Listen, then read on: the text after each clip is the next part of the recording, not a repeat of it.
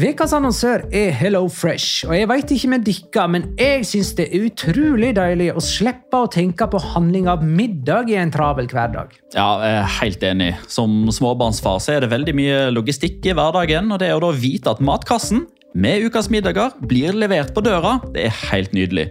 Da slipper du impulskjøp på butikken når blodsukkeret er lavt, og når du kommer hjem, kan du bare ta ut posen med dagens ingredienser fra kjøleskapet og sette i gang matlaginga. Ja, Du kan velge mellom 25 ulike retter hver uke. Og de har faktisk en egen kategori som heter Raskt og enkelt, med masse enkle og gode oppskrifter. Veldig greit å ikke måtte ty til takeaway hver gang det er hektisk på jobb. Jeg gleder meg spesielt til sterk chilikylling i min neste kasse. Jeg blir sulten bare av å tenke på det. Ja, Det er ikke feil med bacon og cheeseburger heller, da. Og det som også er bra, er at matkassen koster det samme hver uke, som gjør det enklere å holde matbudsjettet. Ja, og så blir det ikke matsvinn heller, fordi du får akkurat det du trenger til hver eneste rett. Hello Fresh kan absolutt anbefales, og bruker du koden vår, LIGALOCA, kan du få opptil 1779 kroner i rabatt på de fem første matkastene hvis du ikke har prøvd Hello Fresh tidligere. Du kan også prøve koden hvis du har avslutta abonnementet ditt for tolv måneder siden eller mer. Gå inn på hellofresh.no og bruk koden LIGALOCA. Bon appétit! Hallo? Jeg kommer fra Oslo politikammer. Ine Jansen er purk. Er du purk? The motherfucking bitch. Alt jeg vil, er å finne ut hva som skjedde med mannen min. Jon Carew. Er jeg sikta for noe? Iben Akeli. Det er du. Ole So, Lars Berrum og Big Daddy Karsten. Hvem sin side er du på, egentlig? Anette Hoff, Tone Danielsen, Kommer du fra Afrika? Jørnis Josef, Nesten. Kløfta. Trond Espen Seim. Det er synd å si det, men det var feil mann som døde. Purk. Premiere tirsdag på TV2 Play.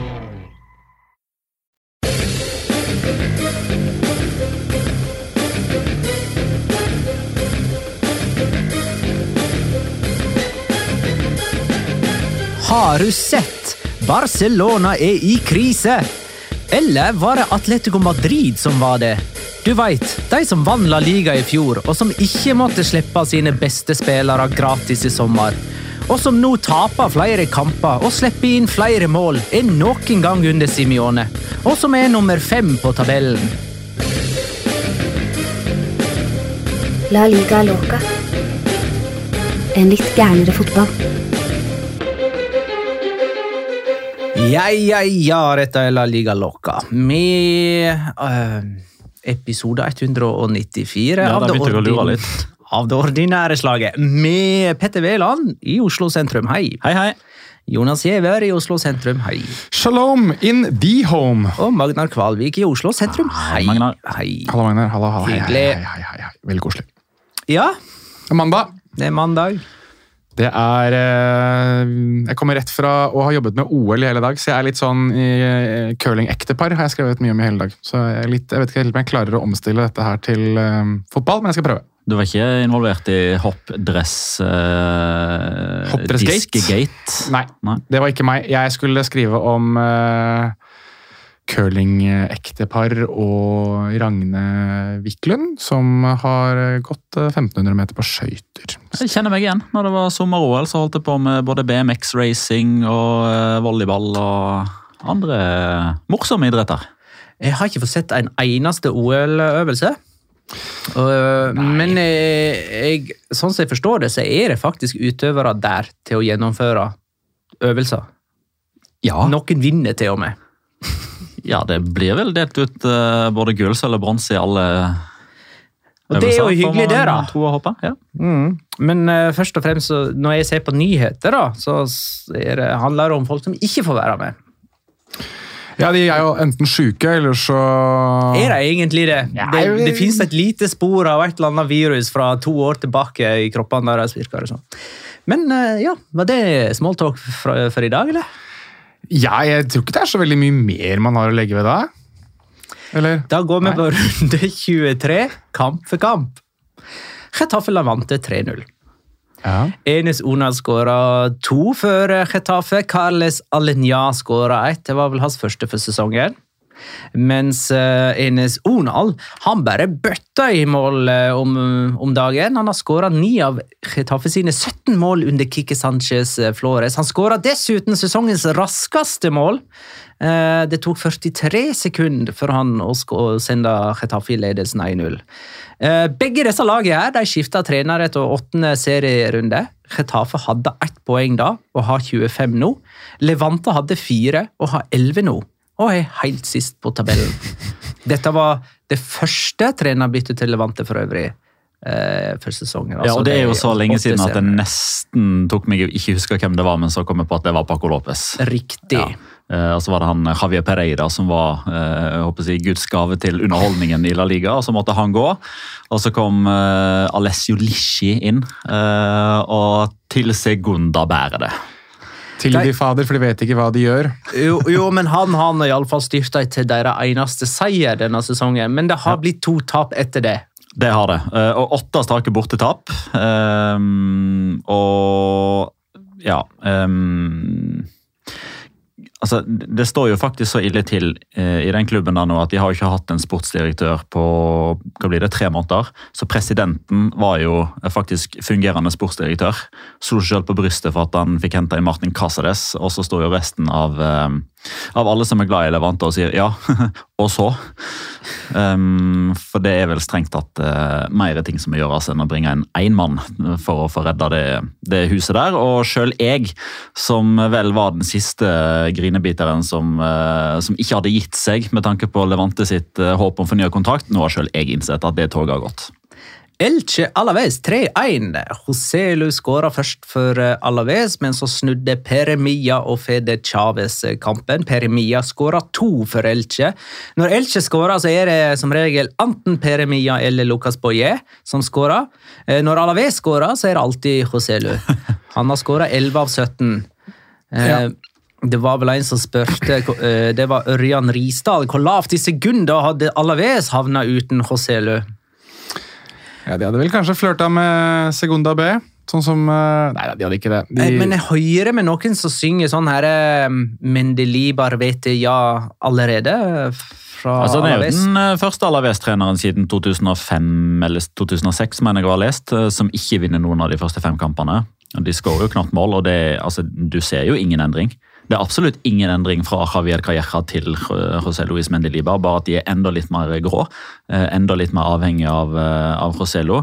Eh, Der har du tatt den renten som Jonas skulle ja, ta, så nå slipper du trenger ikke fylle på den nå. Jeg skulle egentlig litt skryt for den ting denne gangen her. Ja, men ok, greit. Da skal jeg tre til side. Nei, det er egentlig bare én ting, og det er at fy søren og flotte drakter de plutselig fikk. De draktene de hadde på seg nå, de er eh, litt sånn camo, blå, eh, marine Litt sånn eh, De, de Hvor mange poeng får de for det? Nei, de, de, får ikke noen poeng, men i disse dager hvor jeg gjør alt jeg kan for å pisse Alaves direkte i kjeftpartiet, så må jeg gi dem litt skryt også. Det, hvis det er noe som har vært bra, så har det vært de draktene, og for så vidt Joselo, da, som også har vært eh, Altså, det at, det at Alaves kan overleve og kan bli værende i La Liga, er hviler ene og alene på at han holder seg skadefri. Ene og alene. Ja, det òg. Og så hadde jeg et lite håp om at uh, det var en Alaves-spiller som skulle liksom få sitt uh, sitt gjennombrudd i Vitoria, på samme måte som at Brian Hill plutselig så ut som en uslepen diamant som, uh, som så ut som en million i Eibar. Jason Remesero? Facundo Pegistri. Altså Måten han spiller på for Uruguay sitt A-landslag jeg kan ikke fatte og begripe at han ikke får minutter for Alaves. Han er for morsom. Det er for gøy. Passer jo, ikke. Normalt sett så ville jeg jo sett ok, hvem er det som trener dette laget. José Luis mm. -hmm. ok, ja. greit, Bare bryt den leieavtalen med Manchester United. Men så er det dette Brian Hill-greiene fra Eibar som gjorde at uh, jeg lot meg lure. Og Kokorea, for så vidt også. Uh, Pere Mia har skåra seks mål på de siste seks seriekampene. Han og Boye har skåra 14 av Elche sine 26 mål. Elche er nummer 14 på tabellen. Åtte poeng over nedrykksstreken. Ja, jeg ville um, Jeg vet ikke om noen har det som Locora. Jeg kunne for så vidt gjort det her til en Locora, men uh, var det noen som passet på å få med seg intervjuet med Peremia etter match? Han skåret jo to mål uh, her. Ja, nei, jeg har ikke det som Locora, i alle fall. Nei, jeg kan godt eh, spare den til da. eh, fordi jeg syns det var litt gøy å se at det var eh, Hvis det er din Locora, så må du spare den til Locoraen, ja. jeg har, Men jeg har, jeg har så mange! Dette er så deilig! Altså, La, Liga er tilbake for fullt igjen. Og da selvfølgelig, når jeg sitter og ser det, så er det litt grann som det å være på et sted hvor det er masse lys, og det er fyrverkeri overalt, og det er folk som danser, og det er, liksom, det er så mange inntrykk på en gang at Skjedde dette på Martinez Valero? Eh, nei, men noe, noe som skjedde på Martinez Valero, var at det var ganske mange Bodø-Glimt-spillere der. jeg fikk høre. Jeg vet at de var, de er Erik Koren var der òg. Erik Koren var der, og han koste seg. Han koste seg, men han var veldig forvirra for hvorfor den første skåringa ble annullert etter hva da, 12 sekunder. Og det var jeg òg. Men det var jo det jeg sa, at det, altså, det er jo Elche, det er programforpliktet til at det er noe som skal annulleres. I hvert fall Ja, ja, noe skal annulleres. Men faktisk første gangen de klarer å snu en kamp i La Liga fra underlege til seier siden 1967. Nei, pokker! Det er nok hans, uh, det, det var min uh... Der, ja. Ok, vi, vi må begynne å gi hverandre noen sånne der hint i, i forkant. Ok, Når, når det gjelder da- da ok, min, min Locora handler om Barcelona, så ikke si noe om Barcelona før det. Nei, greit, det. Nei, Barcelona fritt fram til det. Det var altså første gangen Elche snudde en Primera-kamp på heimearenaen sin, Martinez Valero. Og den har vært heimearenaen deres siden 1976. Og det er klart, de har ikke vært i primæra alle de årene som har gått siden, Nei. men de har ligget under i mange kamper uh, siden det. Ja. Ja, ja, ja. Ja, ja, men da har du ca. 40-45 minutter på deg til å komme opp med en ny en. Det er greit. Mallorca Cádiz 2-1. Ruben Alcaraz sendte Cádiz i ledelsen med ei perle. Salva Sevilla og Morici, har jeg lært? Eller? Morici. Morici. Ja, altså, Morici. Skrives på en måte Moriki med K, men uh, uttales Med Q, faktisk. i Q, mener jeg. jeg. ja, mm. Mm, Men uttales, uttales altså Morici. Eh, ja, Salva Sevilla, og Morici snudde kampen med hver sin straffe. Jeg synes det var litt gøy at det i opptakten til straffen som Salva Sevilla skåra, så hadde Cádiz kontring, og da var det Salvi Sanchez som var han som til slutt mistet ballen, vel? Eller i hvert fall var veldig delaktig i den kontringa. Det var litt sånn kontring på kontring. De, mest, de mest involverte, Salvi Sanchez og Salva Sevilla. Vedat Morici Mhm. Er den første Kosovo-landslagsspilleren som skåra i eh, La Liga. Eh, Mallorca signerte han fra Lazio 31. januar. Det var vel lån, det. ja.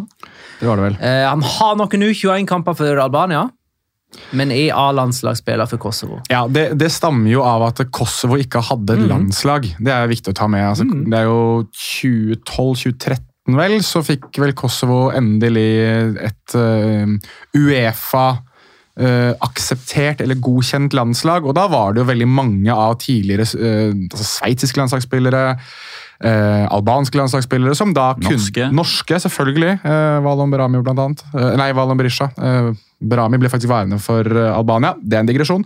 Uansett, eh, veldig mange av de valgte å, å bytte over til, til Kosovo, og der var eh, der var eh, Vedat Morici en av de største. Jeg må bare få sagt at jeg syns det var litt gøy at på en corner så fikk, eh, fikk vi se Vedat Morici mot uh, Varasdat Hvordan uttaler du det? Haroyan. Haroyan? Ja, var, er det Varasdat? Varasdat. Varasdat Haroyan. Så jeg sliter med det.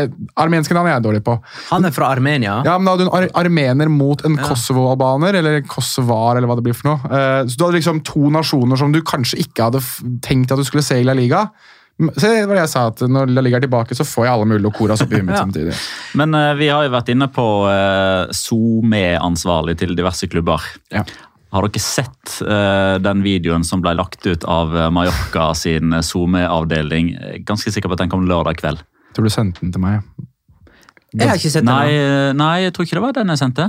Den om Vedat Morici. Ja, den sendte du meg. Sendte jeg den til deg? Ja, jeg er ganske sikker på det. Samme det. Ok, Men jeg skal uansett fortelle om den. Eh, det, det starter jo med en, en mann som står i et form for ser, ser kanskje ut som et nyhet, nyhetsstudio. da, La oss si at det er en sånn nyhetssending. Eh, og det, I baksida er det en enorm sånn, eh, sånn green screen. da, Det er lagt på liksom bilder av galakser og teleskop og liksom verdensrommet og stjerner og måne og alt sånt. Så du skjønner at dette er ganske store greier. Og plutselig så begynner det å komme fotballbilder da, med Sandro Ramires, som plutselig banker inn sin første skåring på 709 dager mot Mallorca. Eh, neste bilde er Luke de Jong, som hadde skåret ett mål på 301 dager før han møtte Mallorca. Er dette bakgrunnen i et nyhetsstudio? Ja, Det er liksom det som er greia da, i Mallorca sin video. Å ja, ja, oh, ja, i videoen, ja. Ja. Eh, og så er det Jorge Molina da, som blir tidens eldste spiller med hat trick i La Liga mot Mallorca. Og som du påpekte i stad, Levante som tatt sin eneste seier denne sesongen mot Mallorca etter 268 dager uten seier. Og Vedat Morici han kom jo med et litt sånn slentrete rykte, for han hadde jo ikke skåra mål Nei. eh, for Lazio på Uh, 307 dager eller et eller annet sånt. Og hele den reportasjen da bare avslutter med Vedat, du snur. Du snur lykken vår. Måten Mallorca fikk den andre straffen på, er litt interessant. Eh, og her kan det hende at folk er uenige med meg, for det, jeg vet i alle fall at Kardis er uenige med meg. Men det der er kjepphesten min. Ja, altså, Jeg ene- er så fan av at det blir blåst straffespark der, og det sier jeg. fortell hva som skjer, da. Jo, men det sier jeg på tross av at jeg hadde penger på at Kadi skulle ta poeng i den kampen her. Men hva skjer? Hva som gjør Det, det som skjer, er at Conan Desma kommer ut, plukker ballen. Keeperen til Kadis. Keeperen til Kadis kommer ut, plukker ballen, rent med hendene, men kneet går rett i ansiktet på Angel Rodriguez. Det er det sånn er jo- Heinz Müller light. Det ikke sånn Han har han løfta kneet. ja, men, men derfor sier jeg Heinz Müller light, for det er ikke, det er ikke re- han sikter ikke. Det er ikke med overlegg osv. Det er Heinz Müller. Ja, nettopp, så derfor kaller jeg det for Heinz Müller light, men det er det drita farlig. Altså Angel Rodriguez måtte overnatte på sykehus. Eh, han utsetter motspiller for fare. I, i, i, mitt, i, I min bok så er det der klink straffe, og det at det er 1000 dommere som før eh, dommeren som dømte straffespark her nå, som jeg ikke husker farten, at de har dømt feil. Ok, greit, det får være deres problem. Dette var helt rett. Klink straffe. Her kommer altså keeper ut med armene i været og en, et høyt kne Ja. og treffer da Angel Rodriguez i ansiktet med det kneet. Mm. Og Det er jo veldig vanlig at keepere går ut sånn. Ja, Eh, Men de bør det- ikke ha lov til å gå ut sånn. Nei, eh, de får som regel lov til det. Eh, og det er jo litt sånn som eh, det, det jeg trodde kanskje var kjepphesten vår, da, nemlig at eh, keepere går ut med knyttneve og treffer eh, folk i ansiktet. Det er jo òg veldig skummelt. Tror- Eh, og noen ganger, eller veldig ofte, så får det jo passere. Jeg tror nok en kjepphest er heller det at keepere eh, tradisjonelt sett har lov til å gjøre som de vil. Ja, og Ja. i tillegg er overbeskytta sjøl. Ja. Så det er vel eh, Jeg støtter det, altså. Jeg syns, jeg syns den her er Dette her er ikke den fjelltoppen jeg hadde dødd på i det argumentet der. Nei, men det var det Kadis gjorde. De, Ja, sendte, de sendte jo åpent brev dit til, til dommersjefen. nei, nei, til eh, fotballpresidenten. Kjære Louise, fikk svar! Med vennlig hilsen Kadis. Ja, det blir jo Ja. litt barnslig, kanskje? Eller? Veldig barnslig. De gjorde det, de gjør nøyaktig det samme for 14 måneder siden. Spanske fotballklubber klager, vann er vått og paven er katolsk. Salva Sevilla er sesongens nest eldste målskårer etter Jorge Molina. Salva Sevilla er 37 år og 239 dager. Eller det var han iallfall den dagen han skåra. Den fun facten der kan du bruke i fem sesonger til. Du må bare bytte ut hvem som er nummer to på lista. For Jorge Molina kommer til å skåre mål i fem sesonger til. Og fortsatt være eldst. Jo, men Salva Sevilla vil vel eh, fortsatt være nummer to? Ja, denne sesongen, ja. Men neste sesong så er det en annen en som er nummer to bak Jorge Molina. Å ja, sånn, ja. Hvis ikke Salva Sevilla skårer igjen, da? Eller skal han legge opp? Eh, nei, men da har jo Joaquin skåra. Ok, greit.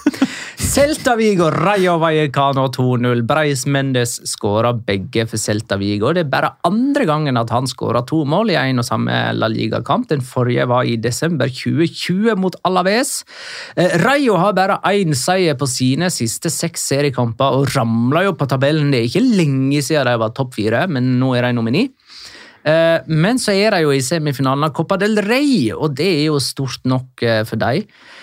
Eh, fikk de ikke med, med at det sto masse fans i bar overkropp på tribunen på Vallecas i den kvartfinalen de Ja. spilte i Copa del Rey? Hva var greia der?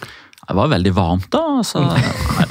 Nei, det var vel det at uh, Raúl Martin Presa Altså presidenten til Rayo. Den veldig forhatte presidenten til Rayo. Det er du, veldig, du er veldig flink til å passe på at vi noen ganger uh, ikke overvurderer lytterne, men kanskje tar for gitt at de Ja. vet alt dette her. Det er du veldig flink til, Magnus. Det er du, men uh, så er det også Etter 194 episoder så er det bra at Magna fremdeles gjør det. Det synes jeg. Jeg prøver å gjøre det innimellom, jeg òg, når jeg legger merke til at vi blir litt for nerdete. Uh, uansett, Raúl Martin Presa, Rayos veldig forhatte president, uh, i hvert fall blant supportere og egentlig det som er av folk med tilknytning til Rayo Vallecano, hadde jo bannlyst eh, Bucaneros, eh, altså ultrasgruppa til, til Rayo. altså Bannlyst alle mulige effekter som hinter eller eh, antyder at supporterne er del av dette. for det er jo de som er de mest høylytte motstanderne av Rayo. Og da svarte Av presidenten. ja, av presidenten selvfølgelig. Og da svarte jo Bucaneros, Rayos eh, supportere. Men istedenfor å ta på seg drakter eller ta på seg noe annet, så sto de i baris. Og Dette var jo da en, en kvartfinale som, eh, som var veldig gjevt for en klubb som Rayo, som supporterne hadde gleda seg enormt til. Ja. Billettsalget åpna 36 timer før kamp. Ja, det var også Og de har eh, ennå ikke Vi er i 2022. Rayo Vallecano er en klubb som har vært i La Liga ganske mange år eh, nå, hvis man eh, ser stort på det de siste 15-20 årene. De har ennå ikke en løsning for online billettsalg. Det er heller ikke en løsning for online draktkjøp. Eh, Det er det en del som har spurt om, faktisk. For det er veldig mange som har hatt lyst til å kjøpe Rayo-drakt, for de har jo de flotteste draktene i La Liga, spør du meg. Eh, og man har jo, mange har lyst til å trykke Falcao 3 på ryggen, det skjønner jeg veldig godt, for det er jo en kuriosa drakt. Det får du ikke kjøpt. Hvor lenge har Presa vært eh, Rayo-president? Eh, hvis han tok over etter eh, den kvinnelige presidenten som i sin tid oppkalte stadionet etter seg sjøl, eh, ydmykt nok, så må det vel begynne å bli 15 år. Det er i alle fall 10. De har jo på en måte et godt rykte, Reio. Klubben er godt likt. Ja. Som en liksom sånn kjæledegge som røsker tak i kreftene over og, og rister litt i treet. så Men Presa virker jo spinna gal. Ja, gjør det. Han eh, tok over i 2011, står det her. Ja, så han er på ellevte 11. året nå, da. Ja, ja. Osasona Sevilla 0-0. Eh, Kan jeg bare nevne en ting til? ja. Fordi jeg synes det er litt viktig at vi tar det med når vi først snakker om Raúl Martin Presa. Altså det, det jævligste han har gjort, er jo alle de midlene han har fjernet fra kvinnelaget til Rayo. Det er viktig å ta med her. Altså, de har ikke engang egen lege. Altså, de drar jo på bortekamper uten lege og sånn. eh, Til og med på hjemmekamper uten lege og ber motstanderens lege om å hjelpe dem når spillerne deres er skada. Så det er helt grusomt. Er det ikke de som, er, er ikke, de som ikke har fått betalt òg? Uh, jo, de fikk ikke det i begynnelsen, Ja. uh, men altså de, Raúl Martin Presa har jo satt ny bakkerekord når han har gått offentlig ut og, um, og forsvart uh, Carlos Santiso, den nye A-lagstreneren Ja, for uh, Rayo Femininas, som Beklager banninga, men har noen WhatsApp-meldinger som har eh, kommet fram i lyset nå for tre-fire år siden, med ting man så definitivt ikke bør ha sagt når man skal ha ansvaret for en kvinnelig fotballgarderobe. La oss nå si det sånn, bare sånn for å ha tatt det. Eh, Mark Overmars i Ajax fikk jo sparken slash sa opp nå i dag eh, fordi det kom fram at han har sendt en del lugubre seksuelle ladede meldinger til kvinnelige ansatte i Ajax.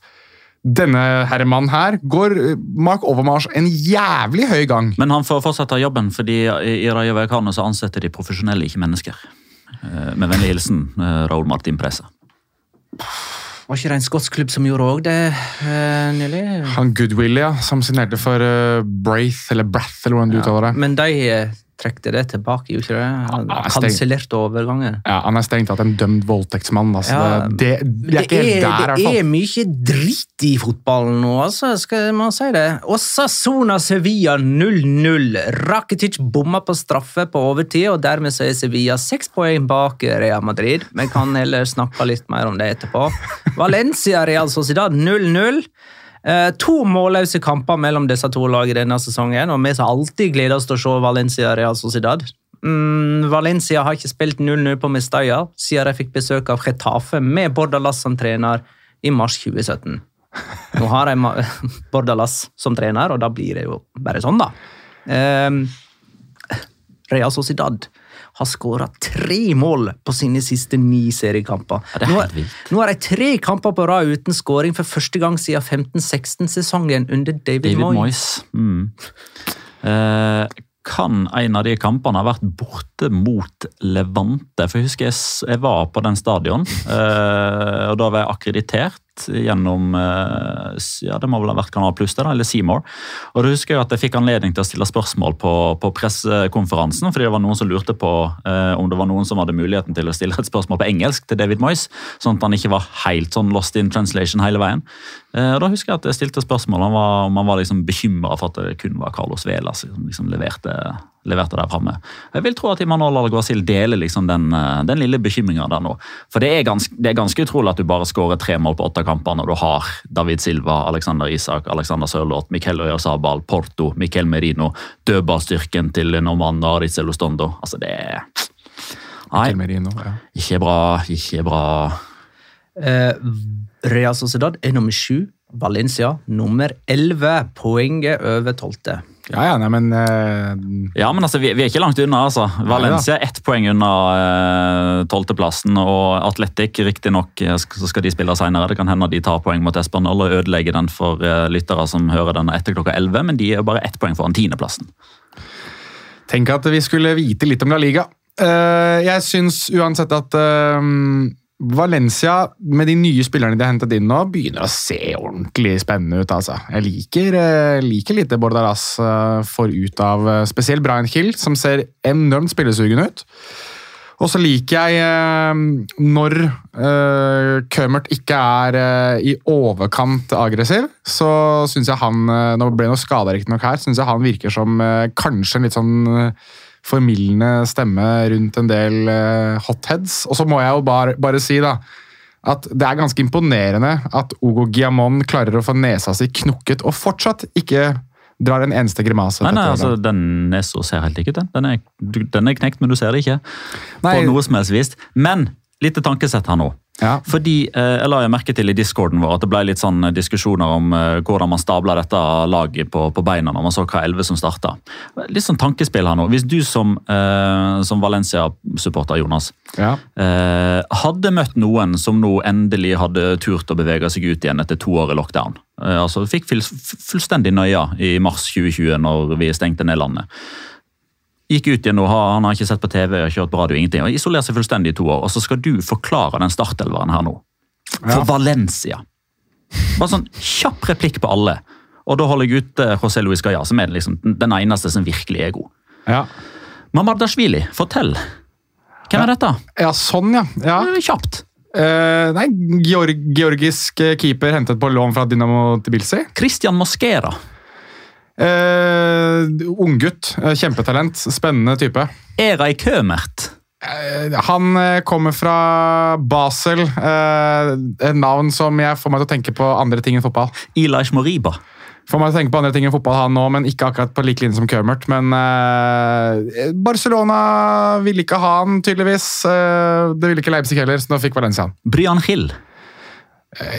Kom ut gjennom et Vortex fra 60-tallet. Egentlig en sånn uh, prog-rocker. Eh, veldig kjapp, veldig god. Ser litt grann ut som en sånn dårlig utgave av Johan Cruyff. Jonas Musa. Jævlig fett fornavn, da. Dimitri Folkier. Mother Folkier. Eh, han eh, er veldig, veldig skummel eh, på veldig mange måter. Ekstremt tøff i taklingene. Anvendelig type. Ikke noe Valencia-spiller. Hugo Giamon. Ja, Tiri Thierry Correa. Eh, det er en type som ikke kommer til å spille veldig mange år i Valencia. Han er for god egentlig for Valencia, han må bare vise det litt oftere. Maxi Gomez. Få det bort! Takk for oss. Hva hen var det vi skulle med dette? Det, det, er jo, det er jo en helt sinnssyk elver til å være Valencia. Det er jo sammenrask som andre klubber ikke vil ha. Ja, men hvilken, hvilken klubb minner det deg om, da? Sånn hvis du tenker over det? Hvem er det vi har sittet og snakka om at det er en klubb med sammenraska folk som ikke fant veien noe annet sted, og plutselig endte opp sammen på et, på et sted? Hvilken klubb var det vi snakket om da før? Det er jo Chetafe under Bordalas. Ja. Det er jo akkurat det samme. Eh, Da går vi videre til. Real Betis Villarreal 0-2. Pau Torres og Capo skåra for eh, Villarreal. Eh, Real Betis slo jo Real Sociedad i Copa del Rey-kvartfinalen med 4-0 på Anoeta, men så kom hverdagen med middelmådig motstand i serien. Men OK form på Fy faen, der. OK form på Villarreal, som bare har ett tap på sine siste seks seriekamper. Det er bare tre poeng opp til topp fire nå. Med én kamp mer spilt enn Barcelona, riktignok. Um, Pau Torres han er delt toppskårer med David Garcia blant La Ligas forsvarere, og Frode Lia skriver rekrutterer via Real midtstoppere utelukkende pga. høgde. Det er iallfall den eneste måten uh, Ramiro Fones Mori spilte der en gang i tiden. Jeg har ikke tenkt over det. Ja, nei, Men det er ganske- Tiden har jo ikke vært så veldig høy. Gonzalo Rodriguez var jo ikke høy. Fabricio Fuentes Ja, nå er var du langt tilbake i tid. Jo, jo, men det må jo være en rød tråd i dette. her. Raúl Albiol er jo ikke spesielt høy. Hvor høy er han da? I 85-86 eller noe sånt. Pau Torres er ganske høy. Ja, Er ikke høyere Men han, men, eh, Men- han er jo ikke rekruttert. Han er jo bare hent, flaska opp i egen avdeling. Han Han, var jo jo 1,12 når han kom inn i, i Villarreal. Du, altså, Raúl Alviola er 1,90, altså. Det er de korteste 1,90 jeg har sett noensinne i så fall. Han er 1,90. Ja, Han ser kort ut sammen med de andre via Real Ja. Nei, det, nei, vet du hva? Da, da har han hatt manke den dagen de 1,90 har blitt eh, Da, da har de tatt fra øverst på, på lokkene, lokkene i så fall. Men Citizen King Kong følger opp eh, Frode Lia sin melding. Eller rekrutterer via Real kun avskrevne Tottenham-spillere? Det er fire stykk på papiret der nå. blir en del av de, ja. Foyth, Capo. Capo Ja, han var innom der Aurier. en liten periode òg. Aurier og eh. Giovanni Lo Celso. Ja. Eh, sjekker jeg bare, Nå ble jeg nysgjerrig. Den som ikke passer helt på høydemessig, er kanskje Aisa Mandi, som er eh, 1,84. Ja. Det er vel den laveste i så fall, da. Jeg har ikke tenkt over det. Det er fordi at eh, jeg syns alle eh, egentlig stiller med ganske høye midtstoppere. ja. Det pleier å være en av kriteriene generelt. Men det som er litt gøy, det er at det, det var jo far og sønn som, eh, som skåra for Viareal i, i den kampen her. Kapow! Uh, han, altså For de som ikke Capo Torres. ja, Nei, ja, ja, ja, ok. Ja, godkjent. godkjent. Jeg vet at du har hatt den før, Jonas, Jonas, så du oh. nikker selvfølgelig anerkjennende. Ja, ok. Og da lo ikke jeg, sant? Nei, men det var ikke muntlig her. Å nei, ok. Det var det ikke, det var, det var andre steder. Skriftlig. Men, men det som er greia da, er jo at helt siden Villarreal vant uh, Europa League eh, i Polen, var det vel, i Gdansk, i mai, så har jo dette eh, altså Det er jo et, det er jo et bilde fra uh, feiringa eh, på toppen av spillerbussen til Viareal av Etienne Capoe. Som, eh, som veldig mange Viareal-supportere har lagt sin elsk på. Det er et helt, helt rått bilde. Og helt siden det, av liksom forskjellige årsaker, så er Etienne Capoe utelukkende kalt for El Padre, altså pappa. Eh, om det er fordi han er en sånn ansvarsfull fyr som tar vare på de unge, det, det, det vet man ikke. Men det er jo bare til å se på, på Twitter-kontoen til Villarreal i går. Da har de jo altså padre, dad, uh, pappa. altså De har liksom bare far da, på mange forskjellige språk, og så et bilde av Kapo. Og Pau Torres er jo Villarreal bys store sønn, så far og sønn skårer for Villarreal. Far og sønn og den gule ubåt. Det var den første La Liga-skåringen eh, Liga-skåringen til Kapo, så han har skåra to mål i Champions League og ett i La Liga. Ja, Eh, denne sesongen. Ja. Ja. Eh, Nils Henrik lurer på om vi kan diskutere litt Capo-Parejo-samarbeidet. For når Fikir og Canales ikke dominerer på heimebane, da vet man at det har vært en spesielt god kamp av Capo og Parejo. Og det da har vel han diskutert eh, godt nok eh, for oss, han, han kjenner? Ja, jeg må... Kan si meg enig i at Ja. det var en eh, meget meget solid kamp av de to. Ja, jeg syns jo også det er verdt å Jeg liker jo når Ona Emery faktisk får det litt rett i sånne kamper òg, da. Er jo, han er god taktisk, Ona Emery, i sånne kamper som dette. Så han treffer veldig på det å ha kompakte linjer som stopper og kveler mest mulig av rommet for typer som uh, Nabil Fikir. Legg merke til at jeg traff riktig på uttalelsen Ja, første gang. og, og der er vi jo igjen inne på den bruken av Alberto Moreno, som Ja. virkelig har fått sin renessanse nå i gult. Helt enig. Jeg, jeg, jeg synes det er gøy når altså, Emery får veldig mye kritikk, med rette.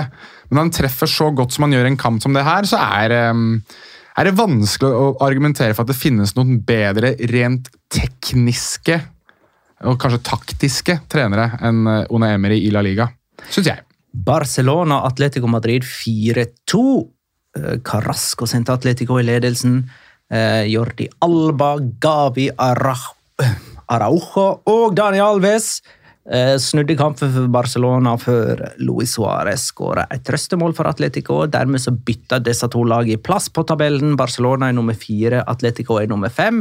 Skal snakke mer om det der eh, straks. Vi kan nevne at Real Madrid slo Granada 1-0. Ascencio matchvinner for Real Madrid, som altså øker luka på toppen av tabellen. De er nå seks poeng framfor Sevilla.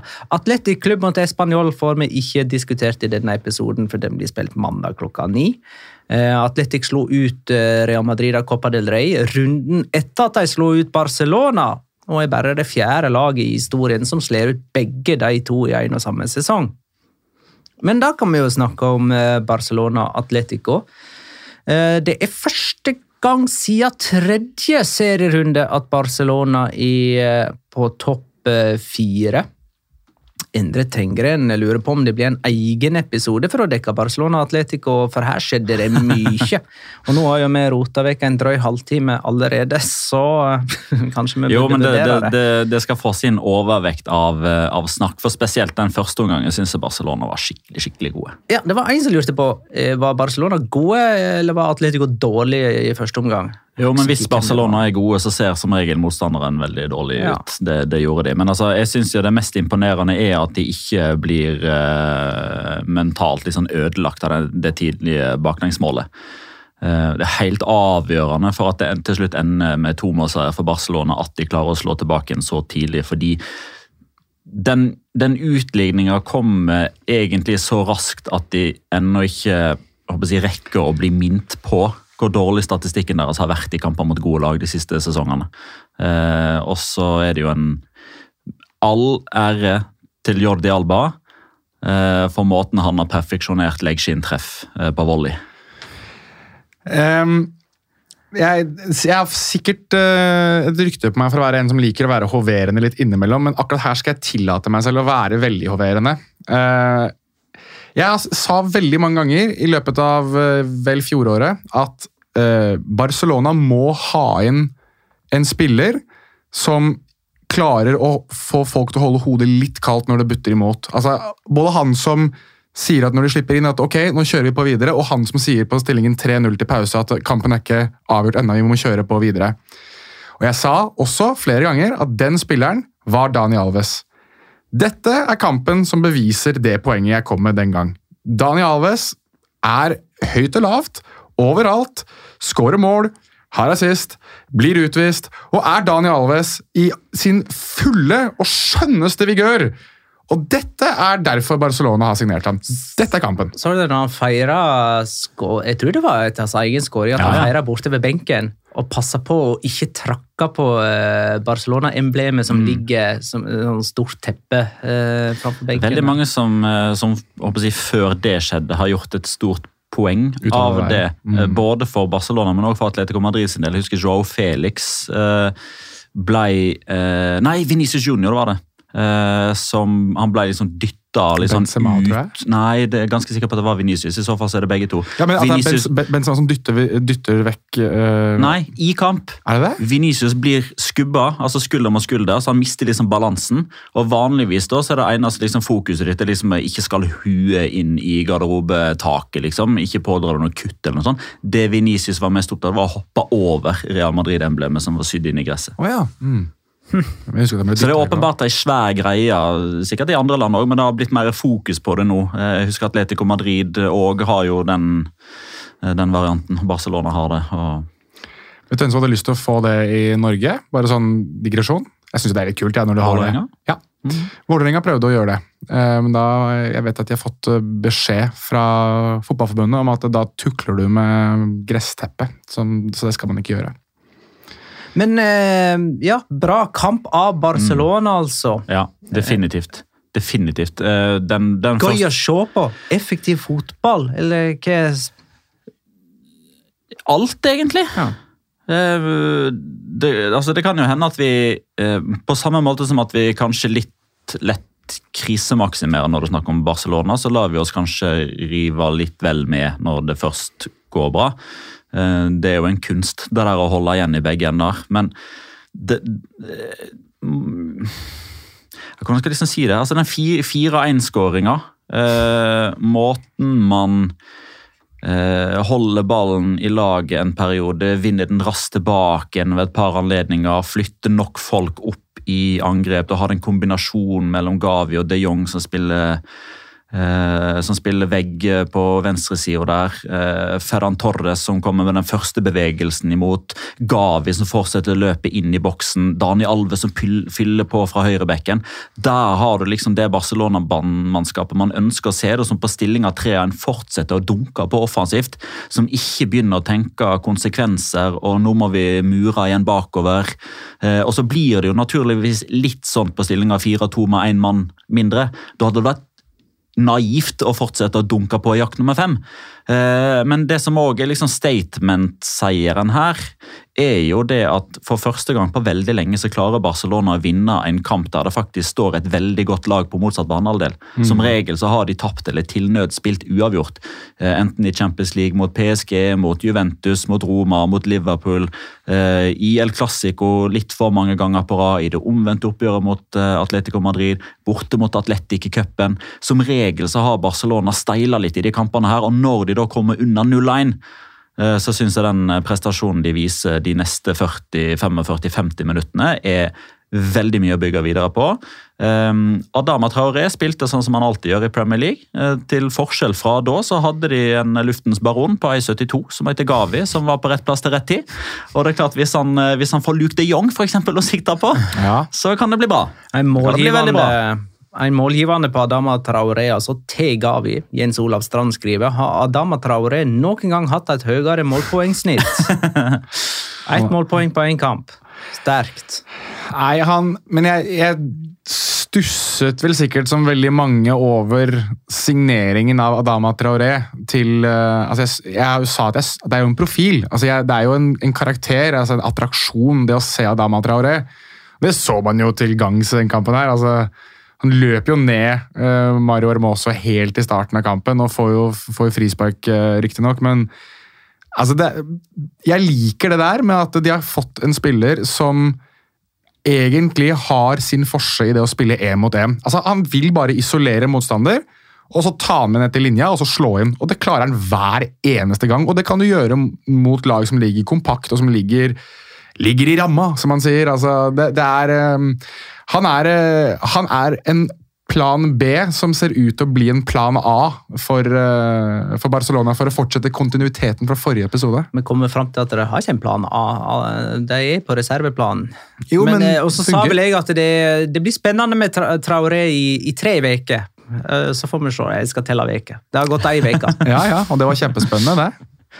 Ja, det var det. Aubameyang kom jo inn eh, litt sånn vanskelige arbeidsvilkår når Daniel Alves eh, blir utvist eh, fem-seks minutter etter at han kom inn. Så han ble på, på, ja, på veldig mange måter liksom isolert der framme. Så den, den debuten hans, ja det er debuten, de vant kampen, men for hans del så kommer den ordentlige debuten neste gang han får komme inn når det er 11 mot 11. Da tenker vi kanskje får se litt hva som, hva som bor i han i Barca-drakt. Men selv om Barcelona vinner 4-2 mot Atletico Madrid, og selv om Adama Traoré spiller fra start og får målgivende pasning i den omgangen der Barcelona spiller best, så kommer man ikke foruten det faktum at det er, for, det er fortsatt veldig rart å se en Barcelona-tropp. Der er Aubameyang, Adama Traoré og Luke de Jong. Og om de så skulle Og Martin vinne Braithwaite. og, jo, og, og om de så skulle vinne 16 av 16 kamper ut sesongen og vinne 4-0 hver kamp, så kommer jeg til å mene det i mai. At det ser rart ut. Men Barcelona tar 2,1 poeng per kamp under Xavi, og det er bare Ancelotti som har bedre snitt med 2,27. Og nå har de jo kommet foran Atletico Madrid på benken, nei, på, på benken faktisk, på, på tabellen. Innbyrdes helt likt, 4-4, tre poeng til hvert av lagene. Eh, Så det er jo de to poengene som skiller. Eh, Og de har jo tatt seg forbi Real Sociedad, som på et tidspunkt var hva var det, 11-12 poeng foran. Um, Så, så den fjerdeplassen har de jo um, Ja. Det, Los på? Ja, los, ja, los på. Jeg vil si at de har overtaket der nå, med tanke på at de er nummer fire. Og nok en gang så avgjør Atletico poeng i en kamp de leder. De har jo fremdeles ikke vunnet på kamp nå under eh, Diego Simione. Uh, Atletico er ett av tre lag som har sluppet inn mål i alle bortekampene sine. Og der har de altså selskap av Levante og Rayo Vallecano. Ehm, dette, denne statistikken har jeg på stillingen 3-1, tror jeg, til eh, Barcelona. Og det at Jan Oblak han slipper inn flere avslutninger enn han redder. Han 30 baklengsmål, 24 redninger på 54 avslutninger. Ja, Altså, vi kan jo bare plusse på et baklengs, for Barca hadde fire skudd som traff innenfor stengene. og alle fire gikk i mål. Han Ja. hadde ikke en eneste redning. Det er riktig. helt 31 mål, 24 redninger på 55 avslutninger. Jeg husker en gang eh, i, i starten av eh, Jeg tror kanskje det var sånn et år, halvannet ute i, eh, i Oblaks i Atletico Madrid-karriere. Ganske tidlig i La Liga Loca sin historie hadde jeg et fryktelig dårlig ordspill på at Jan Oblak litt i starten, men etter hvert så har det bedra seg. Nå er han tilbake igjen. Nå lekker det hos Oblak. Det er veldig rart å se på. Um, altså den, Skåringa til Gavi, da, den, det hodestøtet Det var som de skrev i discorden vår. altså Tar ikke Jan Oblak den, egentlig? Er ikke det sånn som han ja. Det er sånn som han redder, på en måte, og du, du blir fascinert av det, men samtidig Å ja, det er Jan Oblak, liksom. Nå er det Altså, Jeg mener helt oppriktig talt at uh, Lecomte på benken må jo snart tenke at ok, skal jeg skal jeg få sjansen snart, eller? Han fikk ikke engang stå mot Rayo Mahada Honda i Copa del Rey. Um, det er 30 baklengsmål han har sluppet inn. Det var etter fire baklengsmål i denne kampen. jeg hadde den eh, statistikken. Så han har sluppet inn 30 mål. Han har 24 retning, redninger på 54 avslutninger. Og Atletico Madrid har aldri sluppet inn mer enn 31 mål i La Liga med Diego Simione som trener. Nå har de sluppet inn 30 på 22 seriekamper. Så den rekorden, den eh, Ja. Eller den ja, negative rekorden, den ryker. Det virker som at vi har litt å, å ta tak i og kose oss med på eh, torsdag når vi skal spille inn en uh, Hva nå? Atletico og Simione-episode hos Fotball-TV. Det får vi nesten gjøre. Skal jeg, ta, jeg har litt lyst til å ta disse spådomsgreiene. Vi pleier å summere opp våre spådommer uh, i slutten av en sesong. Vi spår jo og sier mye i løpet av en sesong. Jens, Jens Hohjem spør havner Atletico utenfor topp fire. Bra spørsmål, Jens. Uh, altså, jeg har jo allerede kommet med min topp fire, så jeg, kan, jeg må liksom bare stå med det. Altså, jeg syns det er vrient å liksom skal argumentere for Atletico Madrid, men jeg sa tidlig i sesongen, da vi begynte å se litt konturene av et par av de lagene her, så sa jeg Real Madrid, Atletico Madrid, Betis og Sevilla, og jeg står på de fire. Så jeg tror um, Atletico Madrid kommer innenfor topp fire. Jeg tror det blir eh, de samme fire som, eh, som forrige sesong. Topp fire blir lik, bare ikke Nei, samme rekkefølge. Pisa! Tror du Betis sprekker? Morsom Betis? Jeg tror det, men eh, eh, de gjør det fordi de vinner et trofé i en annen turnering. Ah, du tror de blir cupmestere? Og eller Eh, Og eller Europaliga? Ja. Og eller? Altså Copa og Europaliga? Det utelukker jeg ikke. Ingeniøren har en plan. Jeg, jeg, jeg deler syn med Petter. Rett og slett. Litt kjedelig, kanskje. Men eh, jeg tror òg at Betis ryker ut av topp fire og gir plass til Barcelona og Atletico. Må- Sammen med Sevilla og Real Madrid. Du måtte ha delt mening med én av oss uansett. Det hadde vært like kjedelig uansett hvem det er du deler mening med. Mm, nei, jeg kunne vel ha sagt at Atletico havna på topp fire og Barcelona utafor. Ja, Det hadde vært litt gøy, for så vidt. Eh, men eh, nå eh, tror jeg òg at Barcelona havna innafor. Så sånn blir det. Men tror du det blir det samme fire da, som det alltid blir? Holdt jeg på å si? ja. Som det alltid blir? Alltid? Kjedelig liga. Forutsigbart og kjedelig. Real Madrid slo Granada. Eller har du lyst til å si noe mer om Barcelona Atletico? Eh, nei, jeg har bare en, uh, en Locora seinere. Men uh, aldersforskjellen ga vi Daniel Alves. uh, altså to målskårere. Det, er jo det, altså det har aldri tidligere i en La Liga-kamp vært større sprik i alder mellom to målskårere. Altså 17 år gamle Gavi og 38 år gamle Daniel Alves skårer det altså for Barcelona. Det er altså en, en mann som nettopp har uh, slutta med bleier, og en mann som snart skal begynne med bleier igjen. Dani Alves er Barcelona sin eldste målskårer i, eh, gjennom historien. Ikke han er da? 38 år og 276 dager. Det var bra. Og så må vi saga Diego Simione. Er ikke så gøy det på torsdag, da? Jo, men Nei, Vi eh, kan nå- gi, vi kan gi en- gratislytterne våre litt òg. Ja, okay. men nå er det en spesifikk ting. Det handler ikke om liksom, det, dette, har, Ja, ja, dette ja. er ikke Kano okay. Atletico og sånn. Men er handler det, det om han... noe han sa etterpå? Nei, det handler om at han pisker stakkars Daniel Wass opp på beina igjen Ja, og ut på banen når han har bortimot ødelagt kneet sitt. Ja. Eh, og nå har det jo kommet ut at det er jo en forstuelse grad to eh, som han har fått i kneet. Det er Noen som sier at det er fire uker, noen sier at det er mellom to og tre måneder. Det er alt etter som hvordan kneet responderer på opptrening og hva slags type behandling han får. Eh, det er også ganske mange som eh, mener at eh, den tida hadde nok vært mindre om han hadde fått behandling umiddelbart, fått is på kneet og, og fått sittet i ro, istedenfor å hinke rundt som en, som en skutt hjort i åtte minutter. Det var, det var hva er det ordet du pleier å bruke? Tarvelig. Tarvelig, ja. Tarvelig coaching av Simione. Eh, Chris Robin Eriksen eh, sender oss et tips om en tweet fra La Liga Lowdown, som skriver at Daniel Wass eh, i løpet av sju år for Celta Vigo og Valencia mista fire kamper gjennom skade. Etter elleve dager i Atletico Madrid ligger han an til å miste ni til elleve kamper. Profortega har, har fått sin klo på han. Jeg husker, jeg husker, jeg tror kanskje det er den tweeten jeg har fått mest pepper for. Eh, I løpet av min Twitter-historikk. Det er jo et visst utvalg der. Eh, Luka Modric vant jo sitt første trofé i sin første kamp som Real Madrid-spiller etter x antall år i Tottenham. Fy faen, da ble Spurs- Spurs-fansen sure på meg når jeg påpekte det. Ja, og det, hva hadde det med Daniel Wass å gjøre? Luka Modric, sa jeg. Da Luka Modric signerte for Real Madrid, så vant han et trofé i sin aller første kamp. Etter å ikke ha vunnet noe som helst i Tottenham. Å ja, sånn ja. Så Og in Daniel Wass- relation til. Daniel Wass-tweeten som uh, Ja, sånn, ja. Chris Ja. Robin Eriksen Uh, Real Madrid slo altså Granada 1-0. De måtte slite for disse tre poengene, men denne gangen så kom de i mål. De har jo slitt eh, ofte mot uh, antatt svakere motstand. Marco Ascencio skåra sitt sjette ligamål for sesongen. Da er han så han tredje mest skårende for Real Madrid, etter Benzema og Venicius. 18 av hans mål som proff har kommet fra utenfor 16 meter. Ja, han abonnerer jo på Golassos. Si hvor hvor mange mål han har skåra som proff. Du sa 18 av 18 av 58. ja. Ja, måtte bare få det på det tørre. Det er mye skudd. Det er veldig mye skudd. Ja, og, og han kvir seg ikke for Nei. det, for han, eh, han prøvde mange ganger før han lykkes. Altså, ja. det, det der var som å se en, eh, en jeger som har sittet inne litt for eh, lenge, og så har Elgjarta starta dag én. Det var Marco Ascencio søndag kveld. Det var skudd på skudd på skudd på skudd på skudd. To spillere som har gjort det samme i Real Madrid, som jeg husker veldig godt. at jeg, Som drev på med det han gjorde. Nummer én er jo Cristiano Ronaldo, som skjøt på alt han kunne. Den andre, José Callejon, for de som husker det. Han er også enormt glad i å ta ett steg ut eller ett steg inn og skyte. Vet du, hva- vet du hvem det er? Hvis du fjerner skåringene til Marco Ascencio, altså hvis du, hvis du bare tar skuddforsøkene som ikke må, går i mål, vet du hvem du får da? Milos Krasic. BB. Ah, ja.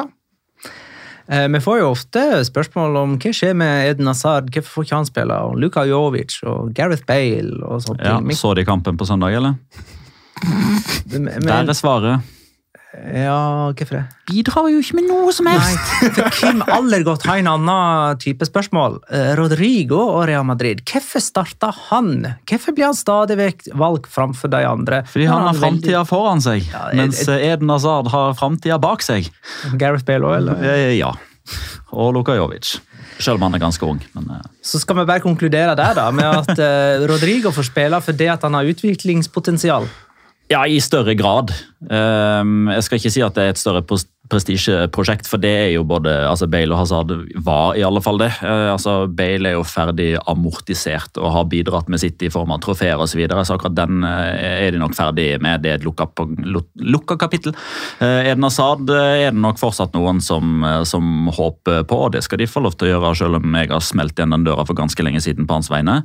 Eh, Men det handler jo noe om at man har vist, eller man har fått bevist da, eh, hva tålmodighet kan gjøre med unge brasilianere. I form av Vinicius.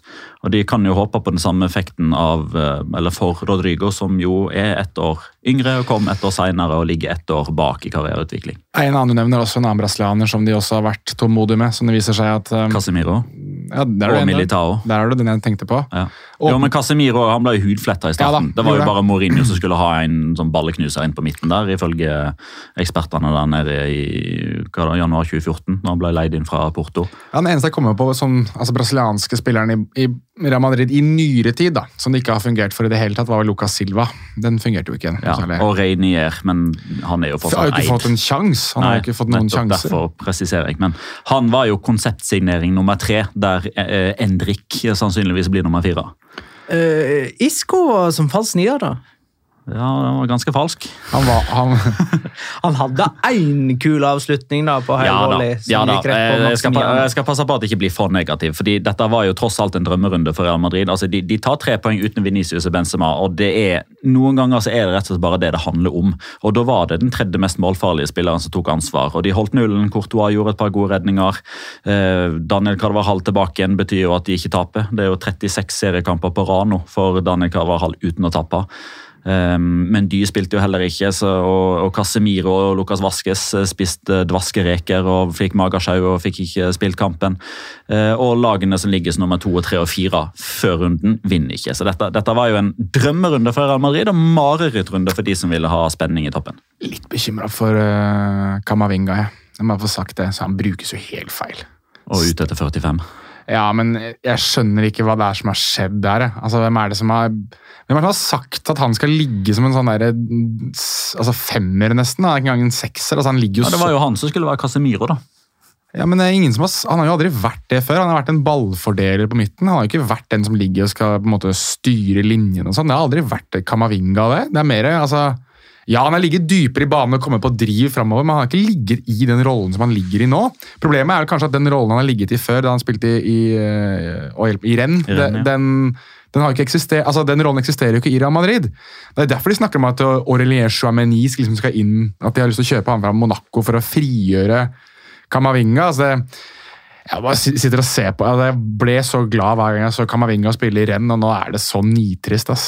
Eh, Real Madrid røyk altså ut av Copa del Rey mot Atletic, og dermed som forsvant kvadruppelsjansene deres, hvis vi skal regne med Supercopa-trofeet. De har jo trippelsjansene likevel, da. De har trippelsjanse, men ikke El Triplete. For El Triplete er jo da liga, cup og Champions League. De Ja, kan vinne ja, tre trofeer, Mm, det kan de mm, siden ja. de vant Det har de aldri klart før. Nei, De har aldri klart det, og de har ikke vunnet Copa og La Liga i samme sesong på 32 år. Det er et av livets mysterier, og da kan du trekke inn ozonlag og krig og alle sånne viktige ting. og Ber- Bermudatriangel og flyhavarikommisjonen og alt mulig kan du ta med i den ligninga der. Og de som liksom skulle klare å følge Real Madrid på toppen av tabellen, det var Sevilla. Som nå hadde fått hvilt litt, fikk tilbake spillere fra koronakarantene, fikk tilbake spillere fra Afrikamesterskapet, og så møter de et av La Ligas dårligste heimelag, eh, og får straffe mot en av La Ligas dårligste keeper, og bomma. Og så spiller de altså 0-0. Nå nå skal jeg gi Sergio Herrera det. Jeg har vært litt sånn på han, keeperen til Osasona.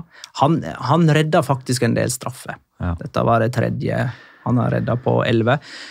Han jubla som om han aldri har redda noe som helst før, men han sto en, en god kamp her, da. Ja. Det var noe vi skulle ha spilt av de lydmeldingene som eh, gikk uh, fram og tilbake. eh, hva blir det da? 22.50 på lørdagskvelden her. Ok, den er grei! Den er grei! Vi var vel enige om at eh, det straffesparket ehm, eh, Altså, Vi kan jo være så ærlige på at vi uh, beklager alle Osasuna-supportere. Uh, beklager Jørgen Flygind, men den skulle jo Rakitic sette. for å holde, holde spenninga i toppen. Ja. Og det er jo Altså, ja, det er spennende ennå, for så vidt, men det blir jo eh, Det ligger jo mer og mer an til at Real Madrid skal gå inn det seriegullet her. og Det hadde, det hadde jo sikkert vært det selv om Sevilla hadde vunnet òg, men vi vil jo ha spenning så lenge som overhodet mulig. Uh, og det ble vi jo rana litt for her, da. Martial fra start. Ja, jeg, jeg, jeg skulle til å si det. Har dere, har dere sett den screenshoten av den uh, meldinga han sendte til uh, agenten sin etter kampen? Nei. Å ja, det var det disse La Liga Loca-gutta mente med en tirsdagskveld i Pamplona. Uh, Ja. Nei, jeg eh, har vært eh, det er tidlig å snakke om å være kritisk til Martial etter én Ja, det blir for tid- Men, det blir for eh, tidlig. men jeg har sagt at jeg syns det er vrient å se hvor han skal passe inn i uh, i Sevilla, og det står jeg på ennå. Jeg syns ikke han kommer til sin rett uh, og ser mer ut som han han går jo dypere og dypere i banen hele tida for å prøve å involvere seg, fordi han åpenbart syns det er dritkjedelig å ikke ha ball. Mm. Så Jeg la merke til at eh, spesielt et stykke ut i andre omgangen der, kanskje i de, la oss si det, de ti minuttene før han ble bytta ut, så la jeg merke til at både Marcos Acuña og spesielt Papo Gomez var ekstremt opptatt av å involvere han, selv om det ikke gagna Sevilla sitt angrepsspill. Altså, det, det ble to pasninger ekstra fordi ballen skulle til Martial, og så skulle Martial sende ballen tilbake igjen. Som om at han skulle liksom bare bli involvert for å bli involvert, hvis du skjønner? Ja da, han ble det. Ofte. Men en som, men en som lar seg involvere, som jeg syns er Han ble byttet inn her, da, men uh, Jesus Corona, Tecatito Det er spennende type, ass. Ja. Eh, Rakitic har bomma på fem av tolv straffer for Sevilla i La Liga. Så Han skulle jo egentlig ikke starta kampen engang. Og så ble jo Campos skada under oppvarminga. Jeg veit at de kanskje vil videre her, men, men jeg må bare altså og Arrazate er La Ligas klamme hånd, ass. Det der er, det er så Jacob Arrazate å klare å stikke kjepper i hjula på et titteljagende lag med en litt sånn destruktiv tilnærming. Ikke noe sånn kjempemoro kamp fra Osasona på noen slags måte. Den eneste som ville om veldig mye gøy her, var jo Chimi Avila, som kastet seg inn i absolutt alt som var av taklinger og var helt gal-Mathias hele tida. Non stop faenskap fra Chimi Avila. Det kan jeg like. da kan vi kåre rundens spiller, da. Det blir antagelig ikke Chimi Avila. Det ikke det. Eh, Vi har ikke blitt enige om hvem som er nummer to og tre og fire, eller i alle fall én. Vi blir aldri enige om det. Nei, det, jeg vi, synes har, vi, har, vi rett og slett glemt det. Eh, Men vi kan ta min Stein, saks, papir.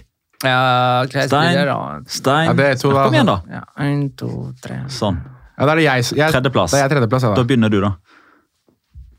Jeg vant Petter og vant. Magne. Ja, Kom da, igjen. jeg, da Tredjeplass. begynner du, men Ja. nummer tre Jonas. Det er, eh, Han er nevnt tidligere i episoden. Det er den første kosovo-albanske spilleren i La Liga. Den første kosovo-albanske målskåreren i La Liga, Vedat Morici, som også var bidragsytende i situasjonen som ledet til straffespark for eh, Mallorca.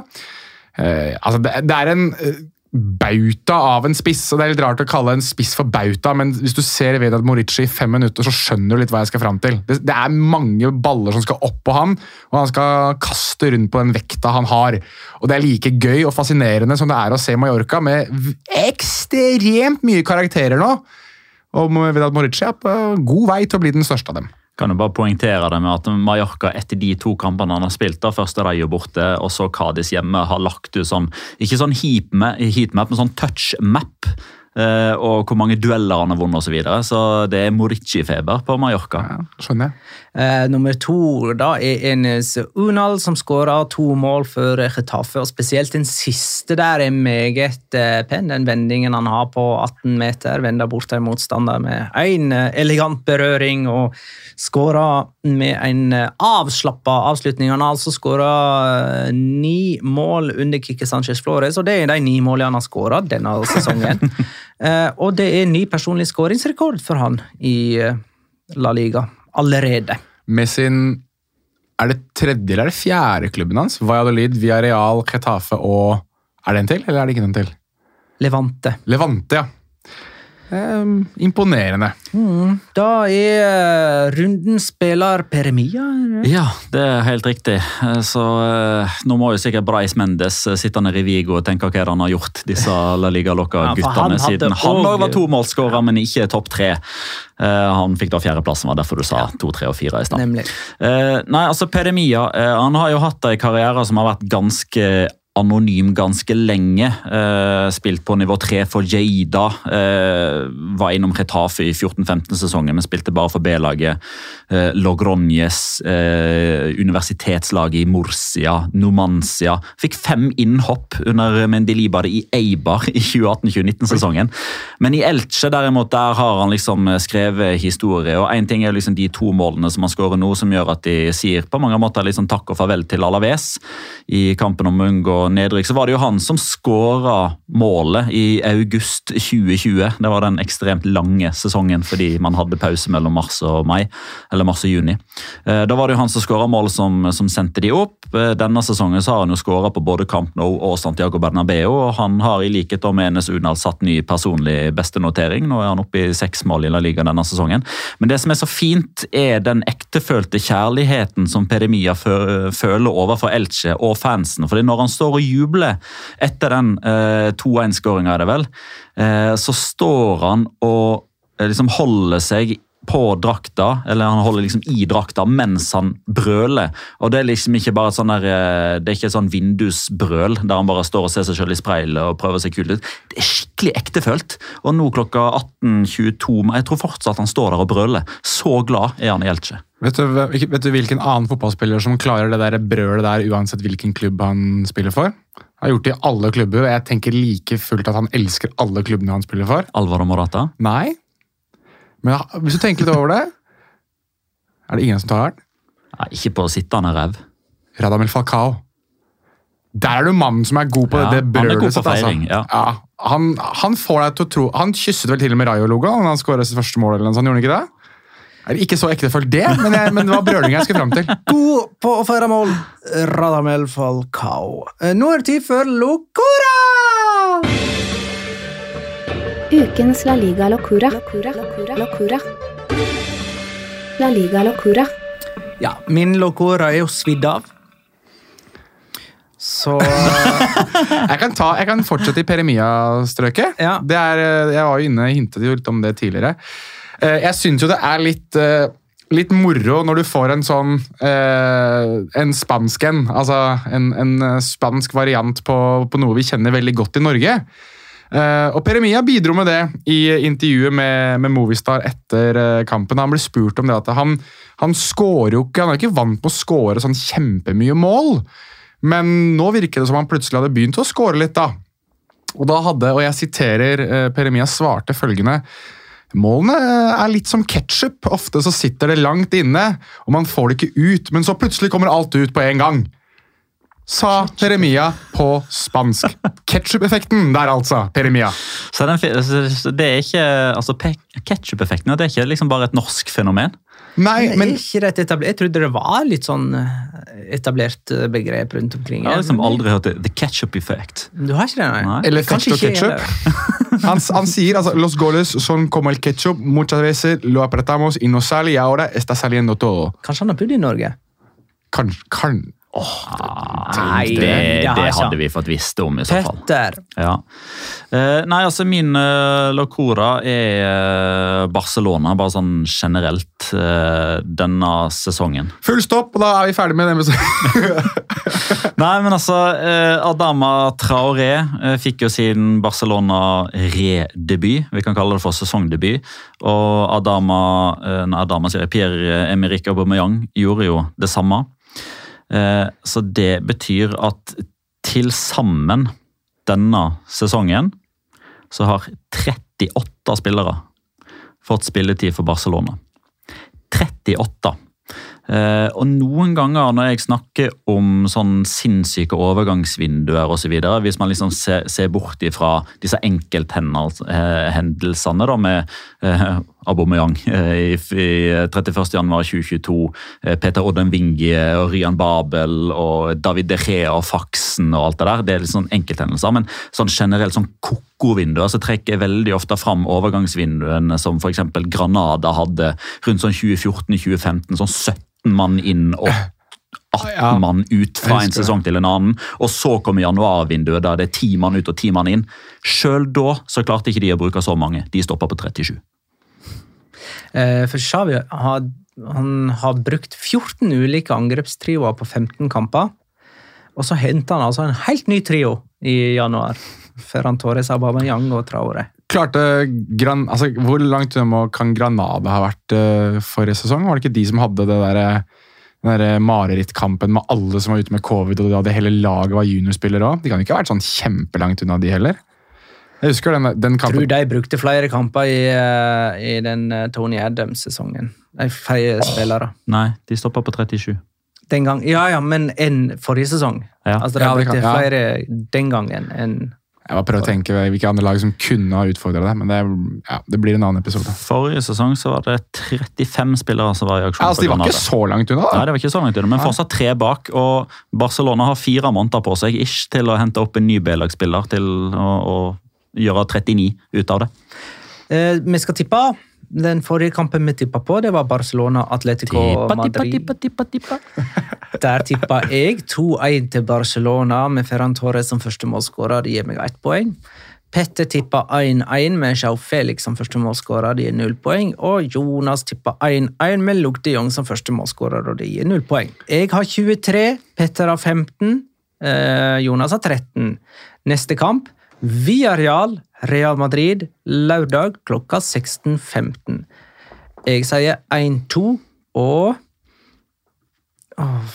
Uh, det, det var dumt. Jeg, jeg sier Alaba.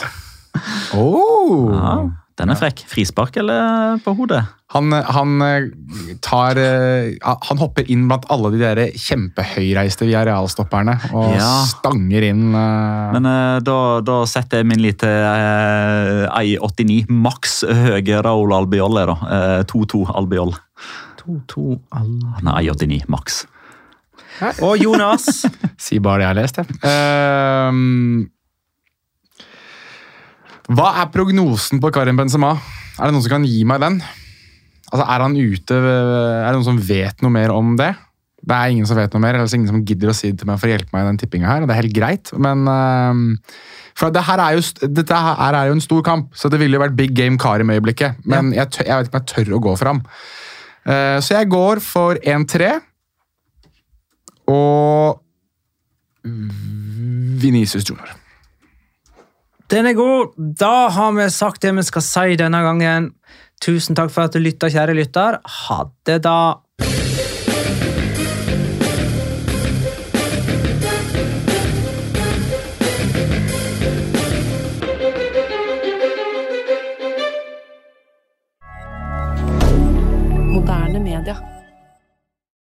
Har du et enkeltpersonforetak eller en liten bedrift?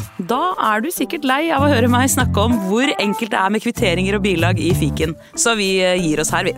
Fordi vi liker enkelt. Fiken superenkelt regnskap.